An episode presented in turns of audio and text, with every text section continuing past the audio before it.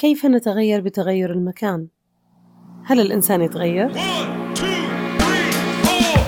من مدينة لندن أونتاريو الكندية أكتب وأعيش وأسجل حلقات هذا البودكاست في كل حلقة تلاقي قصة فكرة أو مشاعر مريت فيها وحبيت أشاركها معك بعد ما انتقلت لكندا حسيت أكثر بأهمية المجتمع أهمية الصداقات وأهمية الناس اللي تتعامل معهم كل يوم أصبحت قيمة الوضوح من أهم القيم اللي عندي إيش تحب وإيش تكره؟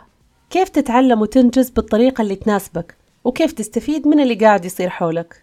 ومن خلال هالرحلة الطويلة في التدريب خدمة المجتمع وصناعة المحتوى راح أساعدك إذا كنت بصدد المرور بتجربة مشابهة من خلال البودكاست ومن خلال برنامجي التدريبي 4x4 من العالم العربي بكل الجمال والأصالة والتميز اللي فيه. إلى كندا هذا البلد البعيد البارد المليء بالتنوع الثقافي والسلام. أنا سامية النهدي Welcome to my podcast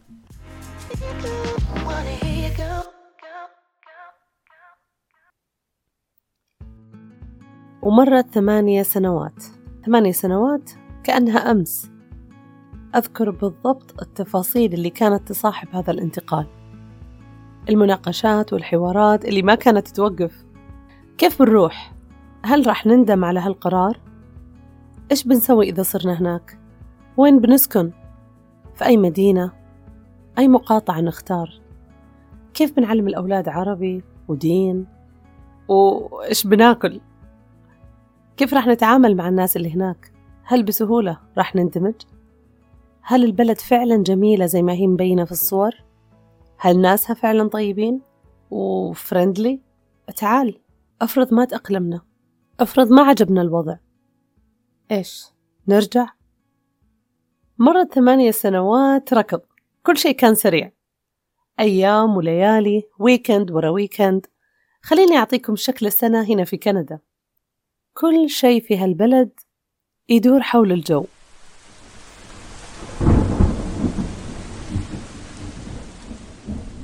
تبدأ السنة افتراضيا يعني شهر تسعة خلينا نقول. سبتمبر. المدارس ولخبطة المدارس. أغراض المدرسة و و و سوي lunch box كل يوم الصباح. يجي الباص يروح الباص وأوراق أوراق. إيميل رايح إيميل جاي.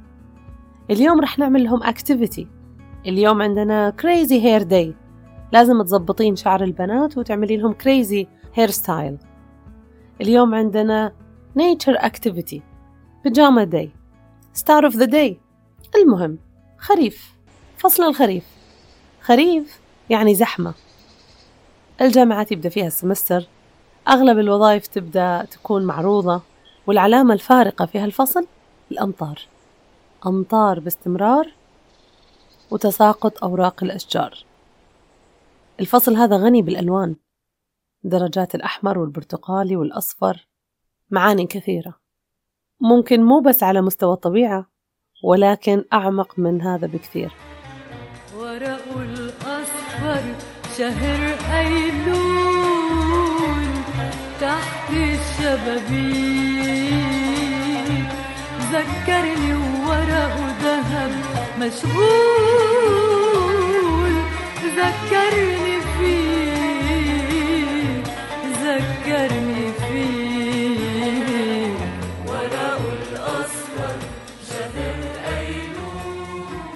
شوي شوي يدخل الشتاء. تحس إن الجو بارد لكن في رطوبة من المطر. شيء مو مفهوم. يعني ثق اللبس لكن لا تثق اللبس مرة لأنه راح تشعر بالحر. تبدأ الأشجار تتعرى تماما ما يكون فيها أوراق ويبدأ يتسلل الشتاء شوي شوي لحد ما يجي هذا اليوم اللي يبدأ الثلج يتساقط فيه. وغالبا يكون في الليل. تنام تصحى الصباح تلاقي الدنيا بيضة هنا تكتشف إنه لا يا حبيبي. إحنا فعلا صرنا في الشتاء وخلاص. ما في طلعة من البيت بدون اللبس الكامل تبع الشتاء. مع استمرار الثلوج الكل يبدأ يدخل في السبات الشتوي. والمرحلة هذه يا أصدقائي برعاية اللونين الرمادي والأبيض. كل شيء رمادي وأبيض. المنظر العام للبلد رمادي وأبيض. الشوارع بيضة اللبس أسود رمادي رمادي فاتح رمادي غامق. ممكن إذا كنت محظوظ تلاقي كحلي أو بني. غير كذا ما في ألوان whatsoever ما في ألوان. البلد فعليا تصير أسود وأبيض. gray cycle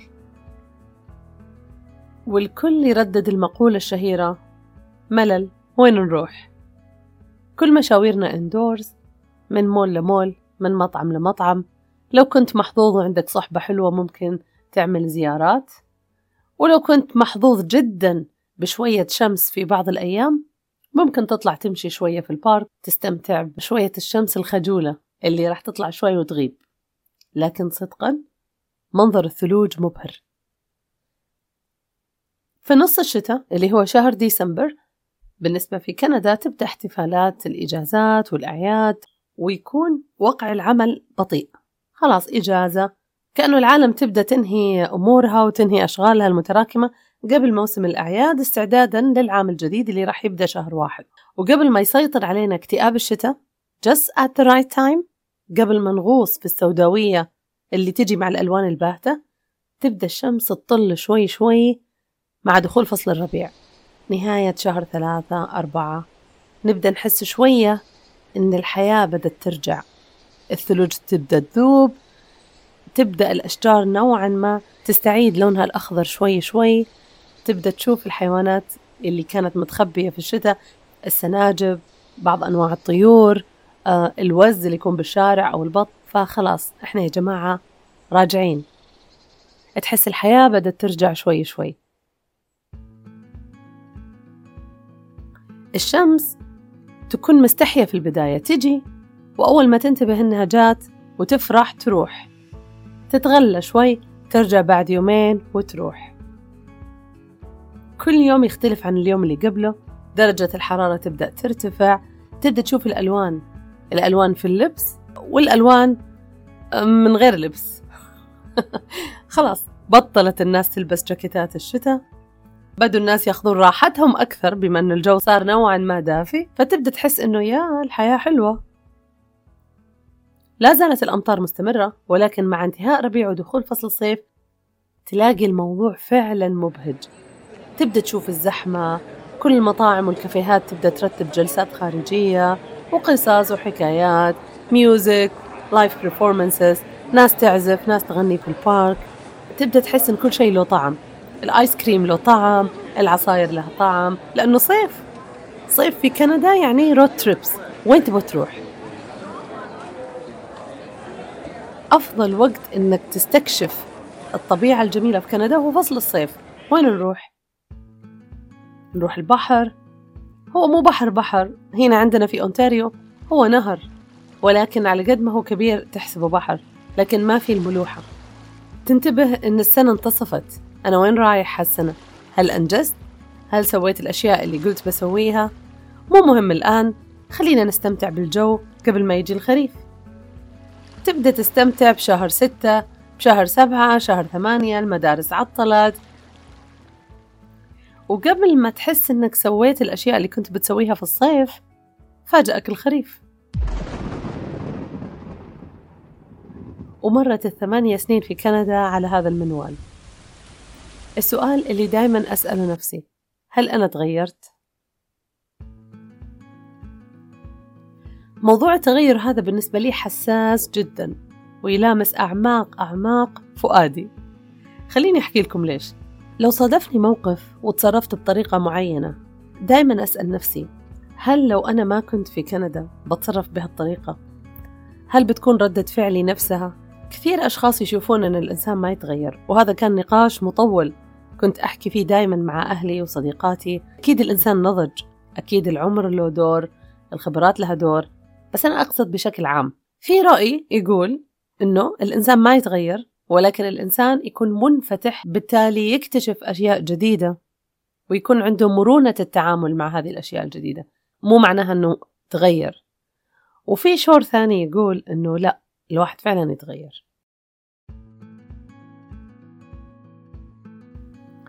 التغيير لما تمر فيه تدريجيا ما تشعر فيه لأنه يجي شوي شوي ومراحل. تطلع من كل مرحلة بكونسبت جديد أو قناعة معينة. مين اللي يحس بالتغيير اللي حصل لك؟ هو الشخص اللي ما شافك أو ما تعامل معك من زمان. يعرف النسخة القديمة منك ولما يقابلك بعد غياب طويل يقول أوه فلان إيش فيك متغير؟ وهذا الشيء لاحظته لما رجعت الرياض بعد غياب طويل. كنت يعني أستغرب لما يقولوا لي سامية تغيرتي؟ طبعا من لآمتهم ما يقولون تغيرتي للأحسن أو للأسوأ أنه تغيرتي. ما أنت نفس الشخص. الانتقال للعيش في مكان جديد يجبر الأفراد على التكيف مع البيئة والمواقف الجديدة.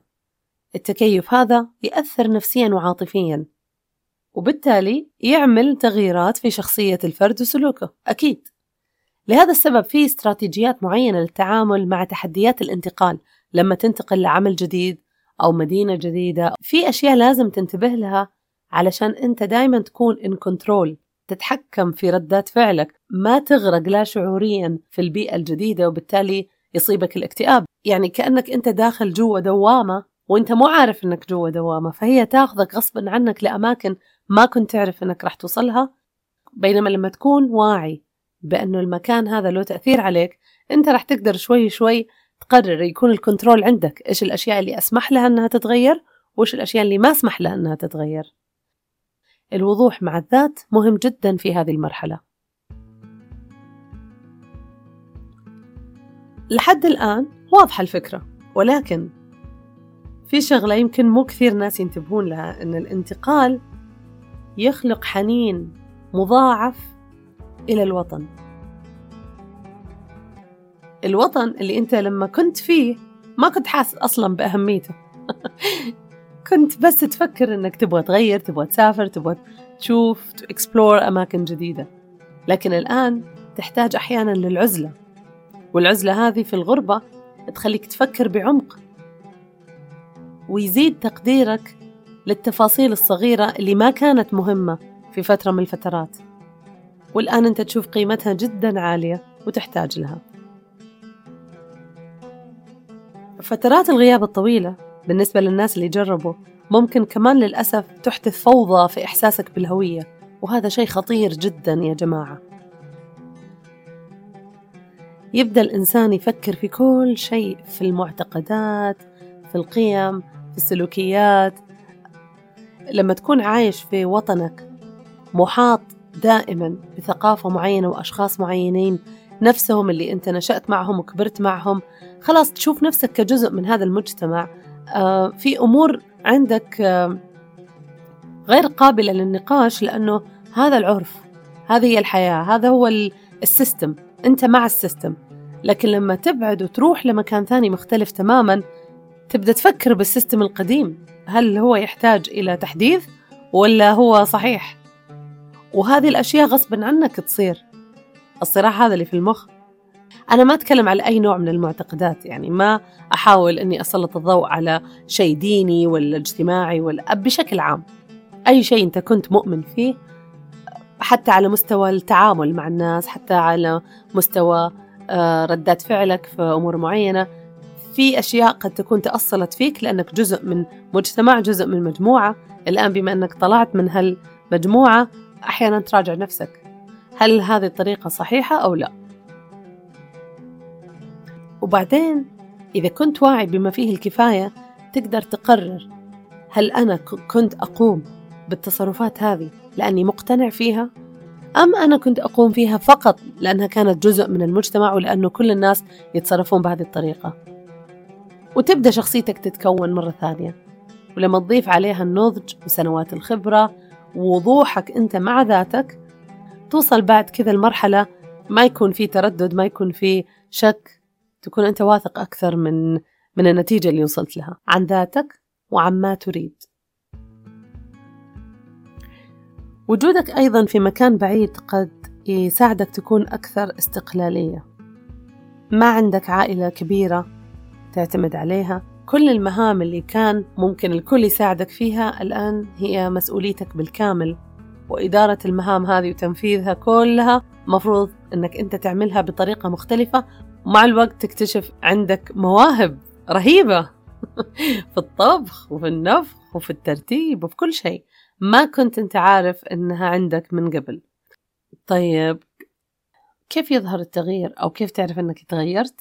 الطريقة اللي أنت تعبر فيها عن اهتماماتك وعن ذاتك أو الطريقة اللي تعيش فيها بشكل عام الأشياء اللي تشتريها. كيف تسافر؟ أولوياتك مثلا بالسفر. ممكن بعض الناس أولوياتهم بالسفر اللي هي التسوق والتصوير يركزون أكثر على المقتنيات زيارة أماكن معينة. في ناس يهتمون أكثر بالتجارب وعمل أشياء جديدة. التعامل مع أشخاص جدد مختلفين يفرض عليك أنك تكون أكثر تسامحا وتعاطفا. لازم تسمع من الأشياء اللي أنا أقول اكتسبتها من بعد جيتي لكندا أني أصبحت مستمعة جيدة. الاستماع الفعال غير الاستماع العادي. مو الاستماع بهدف تمضية الوقت ولكن الاستماع محاولة التركيز في الكلام اللي ينقال. بالتالي مش الاستماع بهدف الرد هو الاستماع بتأني. وكيف إنك تحاول تفهم الشخص هذا ليش يتكلم بهالطريقة؟ إيش خلفية القصة؟ اللي هو يقولها. ليش هو عبر بالطريقة هذه؟ هل هو عبر بالطريقة هذه لأنه مستاء لأنه حزين لأنه مضغوط لأنه يعاني من أمور نفسية ولا هو رد بالطريقة هذه لأنه سيء ولئيم ويحتاج أنك تكسر راسه باللي قدامك؟